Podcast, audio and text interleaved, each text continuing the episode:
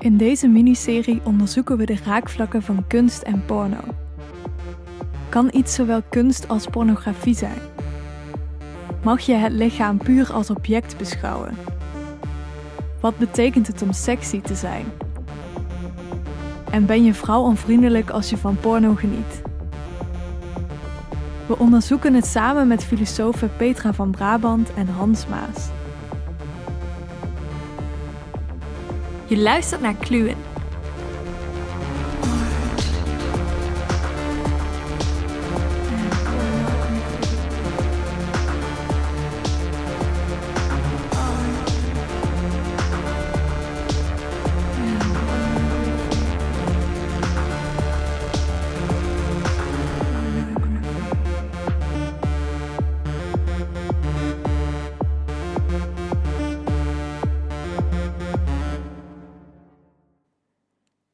In de vorige aflevering hadden we het kort over immorele kunst met een vernislaagje van schoonheid eroverheen.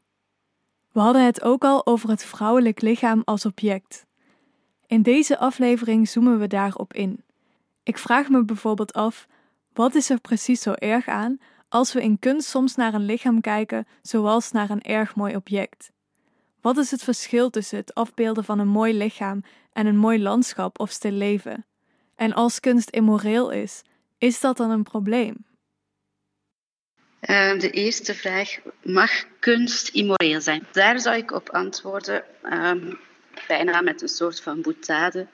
Kunst uh, kan immoreel zijn, in de zin van ze kan dat zijn. Je kan immorele kunst maken. Uh, maar het shouldn't. Men zou eigenlijk niet immoreel mogen zijn. Dus, dus in, in, die zin, wat, wat, bedoel ik daarmee, is, is dat um, niet dat je geen immorele um, dingen kan afbeelden of vertellen, want het is natuurlijk een, een deel van het, uh, van het menselijk leven en van de menselijke interacties en de menselijke geschiedenis. Maar er is een verschil tussen het immorele zichtbaar maken, het immorele um, toonbaar maken. En het immorele ook, um, wat we in het Engels zeggen, endorsen. Um, het juiste Nederlandse woord daarvoor is uh, affirmeren, onderschrijven. Um, en dat is dan mijn positie. natuurlijk kan kunst dat doen, maar kunst uh, hoort dat niet te doen. En daar neem ik dan een normatieve uh, positie in. en dan is het mijn vrijheid, denk ik, net zoals het de vrijheid is van de kunstenaar om als het binnen de wettelijke uh, grenzen blijft, om immorele kunst te maken, is het ook mijn vrijheid om daar um, kritiek en, en, en de meest virulente kritiek op te uiten. Ik denk dat dat uh, de dynamiek is van, van wat we um, ons, onze vrijheid van, van uh, meningsuiting noemen, dat we elke expressie, ook de meest hoogstaande artistieke expressie, uh, op de meest hoogstaande kritische manier uh, kunnen uh, aanvallen. met woorden bedoel ik dan als het echt harmful, harmful kunst is, kunst die echt schade toebrengt, dan denk ik dat dat het zelf soms verder kan gaan dan woorden zoals bijvoorbeeld het voorbeeld van Mary Richardson, die de Rockabye Venus in, in de National Gallery, denk ik, in Londen, um, ook te lijf is gegaan met haar slagersmes. Um, ik, ik, ik, op zich, um, ik wil dat niet, hoe zou ik het zeggen, aanbevelen, maar ik begrijp wel haar, haar uh, positie, haar politieke positie daarin, van bijna op het oppervlak van het schilderij. Het, het, geweld zichtbaar te maken. En in die zin vind ik het heel spijtig dat ze dat schilderij gerestaureerd hebben. Um, het is eigenlijk een soort van wegrestaureren uh, van de sociale geschiedenis. Het wegrestaureren van, van wat kunst echt met ons doet. Kunst roept ook tegenreactie op. Als kunst een expressie is, dan is onze tegenreactie een even waardevolle uh, expressie. Um, of dat dat nu de, de, de, esthetische ervaring is, de, de cognitieve reactie, ehm, de politieke reactie daarop. Dit is onze sociale geschiedenis en kunst heeft daar geen uitzonderingspositie in. Dus niet, kunst heeft geen absolute waarde of hogere waarde, het is des mensen. Dus het is deel van onze interacties. Um, dus, dus dat is een beetje mijn positie ten aanzien van immorele kunst. En wat ik nog, nog als, als nuance er wil bij aanbrengen, is het onderscheid maken tussen esthetiek en moraal. Is, misschien, is makkelijk of lijkt evident als je zelf niet het slachtoffer bent van die immorele transgressie. Begrijp je? Dus in theorie, vanuit jouw armchair, is het makkelijk om moraliteit te zien als één domein, esthetiek te zien als een ander domein. Maar in de sociale realiteit zijn wij uh, wezens die complex zijn. In de zin van het, esthetische en het morele loopt door elkaar. We zijn, we hebben ook, we zijn natuurlijk niet in de zin van één. We zijn niet, eh, een, maar zijn niet uitgemaakt een soort van uh, eenheid. We zijn complex, maar we, we hebben wel in onze, beleven, in onze belevenissen lopen die domeinen uh, door elkaar. Dus als je iets zegt van iets mooi vinden, kan wel degelijk geschaad worden door het feit dat iets um, schadelijk is. Dus uw, uw, ervaring, uw esthetische ervaring, is voor mij niet uh, volledig uh, afgescheiden van of volledig ondoordringbaar door je morele ervaring. En, en, en die, dat uit elkaar halen van die domeinen um, vind ik nefast en vind ik ook fenomenologisch um, compleet um, los van, van, van, van hoe we de dingen effectief ervaren. Dus compleet uh, onterecht eigenlijk. En kan alleen maar gemaakt worden, denk ik, die onderscheid, uh, door zij die niet betrokken zijn uh, in de effecten van het werk. Dus vanuit een soort van uh, positie van degene die van, van, van, die, die van buiten naar binnen kijkt, van degene die afstand kan behouden. Um, en, en het is natuurlijk niet toevallig dat dat filosofie geschreven is uh, en gemaakt is en gedacht is door zij die afstand kunnen houden.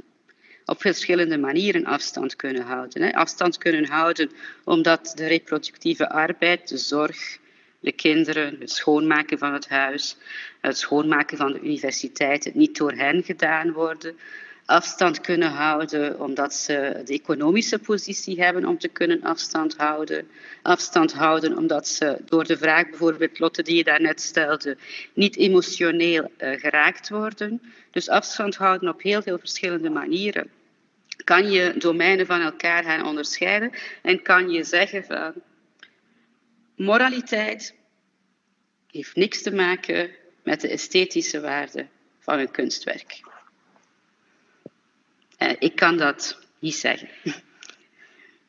Ik zou bijna kunnen zeggen, ik heb niet dat privilege om dat te kunnen zeggen. Niet intellectueel, niet emotioneel, niet cognitief, niet psychologisch, niet esthetisch.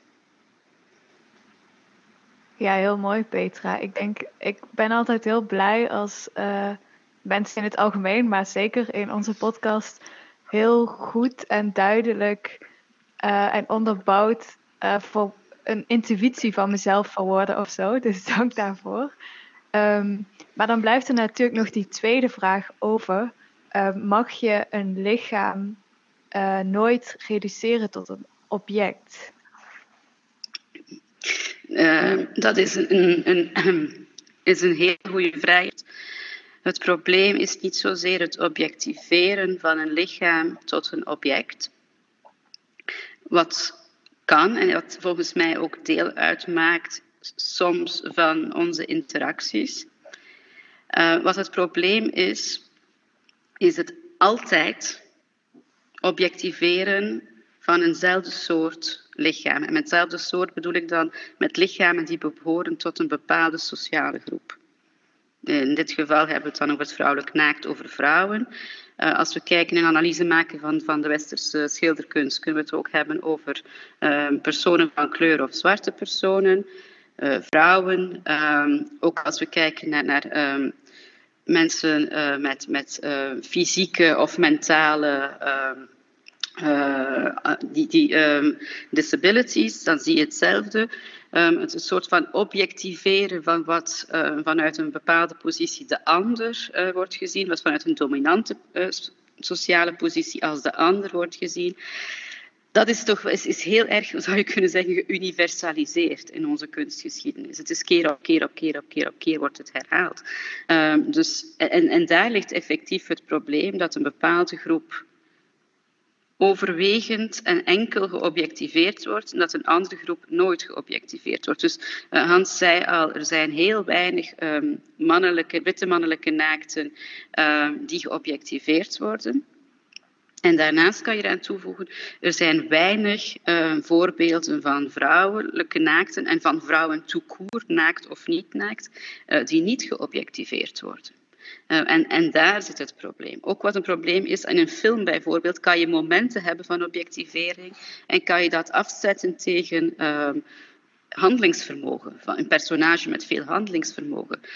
Dus, dus je hebt wel heel veel nuances met betrekking tot de objectivering. Er zijn filosofen die zeggen, en die daar um, ook de goede argumenten voor hebben, objectivering is altijd problematisch in relatie tot een, een, een menselijk persoon. En, en ik, ik, volg hen gedeeltelijk en ik, ik heb eigenlijk niet genoeg argumenten om hen tegen te spreken. Um, dus mijn positie waar ik zeg, soms vind ik dat het kan als het niet veralgemeend is, um, is eigenlijk filosofisch nog niet voldoende onderbouwd. En daar zit een soort van emotionele weerstand bij mij. Um, vanuit een soort van, denk ik, nog een soort van gehechtheid aan het mogelijk, het mogelijk houden van momenten van objectivering. Maar misschien ben ik, denk ik zelf daar nog niet kritisch genoeg door. Um. Dus ik, denk in de discussies over objectivering is het um, al heel belangrijk vast te stellen dat we die discussie kunnen voeren. Um, vroeger, als we denken aan de traditie van het naakt, werden die kunstwerken de hemel ingeprezen zonder dat er gewezen werd op het feit dat er keer op keer vrouwen in een bepaalde positie werden afgebeeld en zonder dat er ooit het woord objectivering viel. Dus ik denk dat we wat dat betreft een enorme sprong voorwaarts hebben gemaakt um, en dat is belangrijk om, om aan te geven. Uh, nu dat we dat, die term hebben en nu dat we ook in die termen over schilderijen en andere kunstwerken kunnen spreken, is de verleiding natuurlijk groot om te zeggen Mag het of mag het niet? Uh, mag het nooit of mag het in sommige gevallen wel? En daar denk ik dat het um, onze taak als critici en als filosofen is ook om ja, zoveel mogelijk nuance aan te brengen, um, waar mogelijk. En uh, als het ook kan, van geval tot geval um, de zaken te bekijken. Ook omdat ja, objectivering is een term die vele ladingen dekt. Dus er is bijvoorbeeld je kan een onderscheid maken tussen seksuele objectivering en esthetische objectivering. Iemand herleiden tot een esthetisch object eerder dan als een seksueel object. Um, ja, dus uh, wanneer um, iemand tot een, een seksueel object wordt herleid, dan um, wordt ze gezien als een, uh, als een middel om jouw seksuele lusten te bevredigen. Een esthetisch object is uh, um, iemand of iemand of um, kan ook een ding zijn dat tot de steeds contemplatie kan dienen. Dus dat jou kan toelaten om van schoonheid te genieten. Uh, in het ene geval, een seksuele objectivering, zijn er seksuele verlangens die een, rol spelen en die tot bepaalde handelingen kunnen aanzetten. In het andere geval spelen seksuele verlangens als zodanig mogelijkerwijs geen rol. Zeker niet als we denken bijvoorbeeld aan de esthetische contemplatie van een vaas bijvoorbeeld of zo. Um, maar, en daar springen dan mogelijkerwijs dan andere verlangens uh, een rol in, zoals het verlangen om het object uh, of de persoon te contempleren, de schoonheid of de elegantie van een danser bijvoorbeeld te bekijken. Dus zijn twee vormen van objectivering, maar er zijn interessante verschillen tussen, tussen beiden ook. Um, daaraan zou je kunnen toevoegen dat er bijkomend onderscheid is tussen iemand enkel maar als een object uh, beschouwen uh, versus uh, iemand van iemands diensten of iemands lichaam gebruik maken, maar die daarom niet tot het lichaam te reduceren. Dus dat is indachtig wat Kant ooit zei, dat men nooit andere mensen louter als middel, maar steeds ook als doel moet behandelen. Dus het feit dat je mensen ook als middel kunt behandelen, suggereert misschien een vorm van objectivering.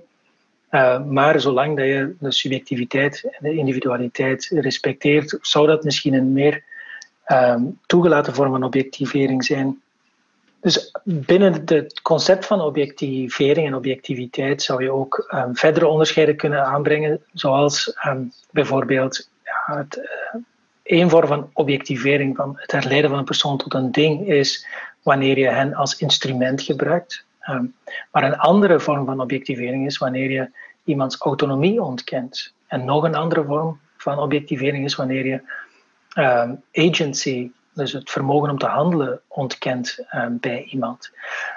er zijn filosofen die nog een heel andere, op andere vormen van objectivering hebben gewezen, zoals bijvoorbeeld uh, wat in het Engels heet fungibility, dus iemand behandelen als inwisselbaar. Dus tafels en stoelen zijn mogelijkerwijs inwisselbaar, maar personen zijn daarom niet inwisselbaar. Dus als je iemand behandelt als inwisselbaar, is dat een vorm van objectivering. En die is anders dan bijvoorbeeld iemand behandelen als louter een instrument of als iemand die geen autonomie um, heeft. Uh, de lijst gaat verder, dus er zijn uh, acht, negen, tien verschillende vormen van objectivering. En dus wanneer je de vraag stelt, mag objectivering of mag het niet, is het niet onbelangrijk, denk ik, om te kijken ook naar welk soort objectivering, um, waarover spreken we dan precies, over welke vorm van objectivering. En dan als laatste gewoon het belang van context onderstrepen. Um, dus wanneer we het hebben over objectivering in de kunst, hoe is het kunstwerk tot stand gekomen? Um, is er een model aan te pas gekomen en hoe is dat model behandeld geweest? Is zij of hij geobjectiveerd geworden in, in het proces van het maken van het kunstwerk? Welke attitude spreekt het uit het kunstwerk? Um, wat is de bredere maatschappelijke context? Leven we in een maatschappij waarin een bepaalde bevolkingsgroep veel vaker geobjectiveerd wordt dan een andere bevolkingsgroep? Uh, moeten we dat ook niet dan in rekening brengen bij het beoordelen van uh, de status van de objectivering in een kunstwerk. Ik denk dat het belangrijk is dat we nu eindelijk kunnen spreken over, over objectivering. Maar ten tweede, ik denk dat het ook heel belangrijk is om zoveel mogelijk nuance aan te brengen. Ja, wat Hans zei over objectivering um, vind ik heel belangrijk om, om, om dat filosofisch, bijna conceptuele onderscheid uh, te maken en om de draadjes uit elkaar te trekken van wat dat woord, dat concept allemaal omvat. En ik vind dat niet alleen filosofisch relevant, maar dat is ook. Um, en dat zou altijd moeten zijn bij dingen die filosofisch relevant zijn. Ik vind het ook belangrijk om, om um, omdat je dan de ervaring van, van objectivering um, beter begrijpt. Of de praktijk van objectivering beter begrijpt. Als je ziet wat het allemaal um, betekent en dat het niet altijd hetzelfde betekent. Maar een kleine nuance die ik daar wel wou bij aanbrengen, is dat het niet zo is dat al die verschillende vormen of modaliteiten van objectivering uh, noodzakelijkerwijze los van elkaar staan. Um, heel vaak volgen die uit elkaar voort of liggen die dicht bij elkaar. Om maar terug te keren naar het vrouwelijk naakt, is daar effectief een seksuele objectivering, maar er is ook een esthetische objectivering en die twee ondersteunen elkaar uh, daarin. Uh, als je kijkt naar bepaalde sociale groepen, dan is er vaak een objectivering in de zin van ontkennen van autonomie, het, um, het gebruiken als middel en het handelingsvermogen ontkennen. Um, dus objectivering kan je conceptueel inderdaad um, uit elkaar halen. Dat helpt ook om, om, om ervaringen te begrijpen, om sociale relaties te begrijpen. Maar anderzijds is het ook belangrijk om te zien hoe heel veel van die dingen dicht bij elkaar liggen, elkaar oproepen, door elkaar ondersteund worden, vormen van objectivering. En hoe dus objectivering ook wel een tool is. Um, een tool met vele, met vele armen, zou je kunnen zeggen. Um, dat dat ook gebruikt wordt, dat ook ingezet wordt, dat ook een geschiedenis heeft. En vandaar dat vele feministes, of, of filos, feministische filosofes bedoel ik daarmee, of denk bijvoorbeeld aan de eco-feministische filosofes, ook wel het, de praktijk van objectivering um, op zich in vraag stellen. En niet alleen van objectivering is fout als je iemand louter als object behandeld, maar, maar objectivering zelf en de geschiedenis van objectivering die wij kennen binnen onze uh, maatschappij, onze cultuur, dat toch samenhangt met een patriarchale en een koloniale geschiedenis, van, van die in vraag te stellen. En niet alleen patriarchaal en koloniaal, maar ook een, een, een ecologische geschiedenis, waar we ook de natuur um, geobjectiveerd hebben op een heel radicale en, en van, zoals we vandaag zien, toch ook dramatische manier.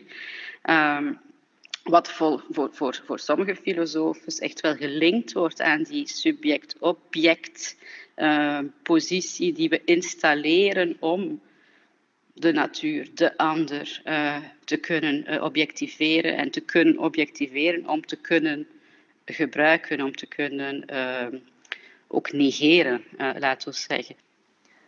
Um, ja, een, een, iets minder filosofische vraag dan als vervolgvraag. Um, hoe heeft die objectivering, misschien in kunst, maar misschien ook in porno, maar objectivering in onze beeldcultuur op zich misschien, invloed gehad op uh, hoe we denken over uh, seks bijvoorbeeld, of mannen en vrouwen, of mannen en vrouwen lichamen? Um, hoe heeft kunst bijvoorbeeld invloed op onszelf als uh, makers van beeld. Dus ik, en dan bedoel ik vooral in het hier en nu. Ik, en voor gewone mensen zoals mezelf. Dus bijvoorbeeld, uh, denk je dat die kunsttraditie waar we het over hebben doorwerkt in onze selfie-cultuur bijvoorbeeld? En dat het bijvoorbeeld invloed heeft op. Um, bijvoorbeeld als iemand mij vraagt om een naaktfoto van mezelf te maken. en hoe ik dat dan doe Denk je dat het daar invloed op heeft? Um, invloed is, denk ik niet. Ik denk eerder, of, ik zou niet spreken in termen van invloed, ik zou eerder spreken in termen van um, continuering van een, van een bepaalde cultuur. Um, en, en opnieuw een naaktfoto maken. Er zijn manieren van een naaktfoto maken. En dan zouden we eigenlijk moeten echt kijken naar hoe het beeld visueel is opgebouwd. Um, en, en, en dan zie je natuurlijk wel dat we in een, een, een geschiedenis en een cultuur uh, geërfd hebben en daarin staan, um, waarin het visuele beeld op een bepaalde manier wordt opgebouwd, die, die, veelzeggend is, die sprekend is. Terzelfde tijd ben ik niet geneigd om, om, om heel om dit heel hard te problematiseren, de selfie-cultuur of wat dan ook, omdat ik telkens opnieuw zoiets heb van, van niks nieuws onder de zon. Um, en ook hier wil ik heel voorzichtig zijn. Selfie-cultuur wordt, wordt, wordt vaak geassocieerd met, met jongeren, waardoor er een soort van bijna morele uh, afkeuring ten aanzien van een jongerencultuur uh, meekomt in, in, in, in vaak die analyse of die kritiek. Terwijl ook zij maar de erfgenamen zijn van een bepaalde ja, vormgeving dan letterlijk. Hè. En, en um, of het wordt gebruikt effectief ten aanzien van pornografie als een of afkeuring van pornografie. Um, ja, ik denk dat het probleem zit, zit, zit verder en zit dieper um, dan, dan, dan, dat, dan, dan de, de, de, de selfie-cultuur op zich als iets problematisch te zien. Ja, dus het is eerder een, voortzetting van de dingen die we al besproken hebben. Je gaf zelf het voorbeeld van selfies en die direct beïnvloed door kunstwerken die we kennen. En net als Petra zie ik niet meteen het verband, uh, ook omdat dat heel moeilijk aantoonbaar zou zijn. Maar uh, de algemene vraag, hebben de beelden die we uit de kunsttraditie kennen, hebben die een invloed op hoe mensen zich uh, tot zichzelf, tot hun eigen lichaam verhouden, of de beelden die ze zelf zouden maken of verkiezen bijvoorbeeld, dan denk ik dat het antwoord daar allicht toch uh, ja op moet zijn.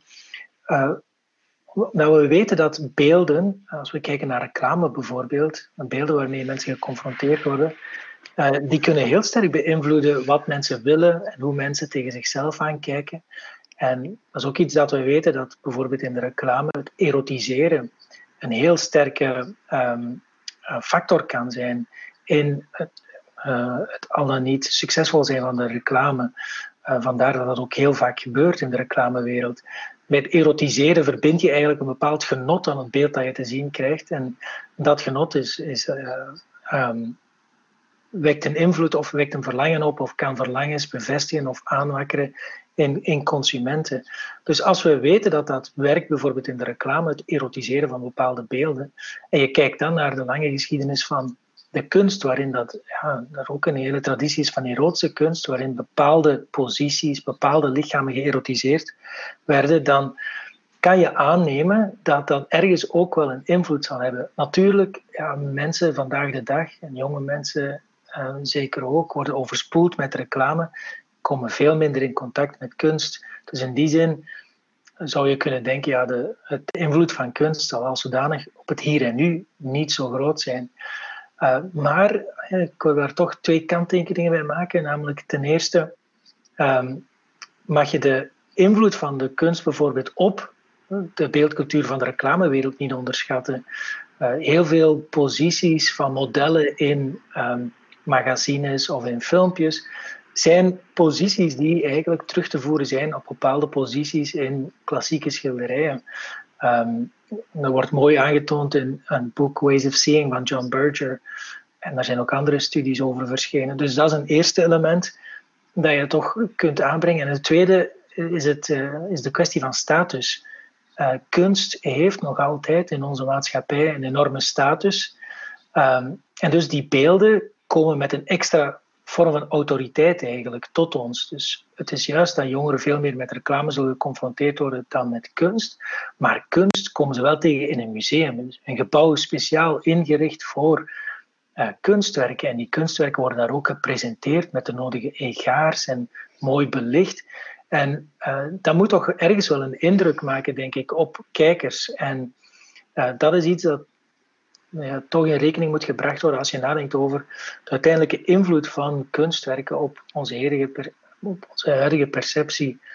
Um, misschien nog een finale bedenking daarbij, uh, eh, namelijk wanneer we denken over kunst in de brede zin van het woord, niet, over, niet enkel over beeldhouwwerken en schilderijen, maar ook over films en tv-series en uh, popsongs. Uh, dus ik, ik heb zelf nog wel een brede opvatting van kunst en volgens mij uh, kunnen veel van die dingen als kunst beschouwd worden.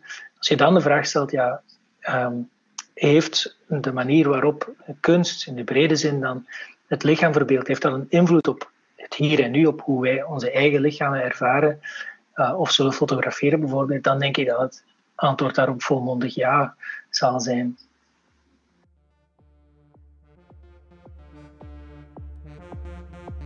Dit was deel 2 van de miniserie van Kluwe Kunst en Porno. In de volgende aflevering vragen we ons af wat het betekent om sexy te zijn. En wie bepaalt wat sexy is? Dus we onderschatten denk ik het, het effect van, van geluid in pornografie en van geluid op ons uh, kunnen sexy voelen. Mannen zullen dikwijls als sexy ervaren worden wanneer ze zelfvertrouwen of assertiviteit aan de dag leggen, ambitie, durf. Um, dus er, valt nog veel aan toe te voegen, maar het is interessant als je dan kijkt bij vrouwen, dat diezelfde eigenschappen um, niet altijd als sexy zullen ervaren worden en soms zelfs uh, omgekeerd effect kunnen hebben. Seksualiteit is, en verlangen wordt ook opgewekt in beweging. Wordt niet alleen opgewekt um, via het, het kijken. Je hoort het in aflevering 3. Wat is sexy? Bedankt aan Petra van Brabant en Hans Maas en aan Anne Lucassen voor het beeld. De muziek is een samenwerking van Koen Huis van The Anesthetics en Liz Starling. Wat vond je van deze aflevering?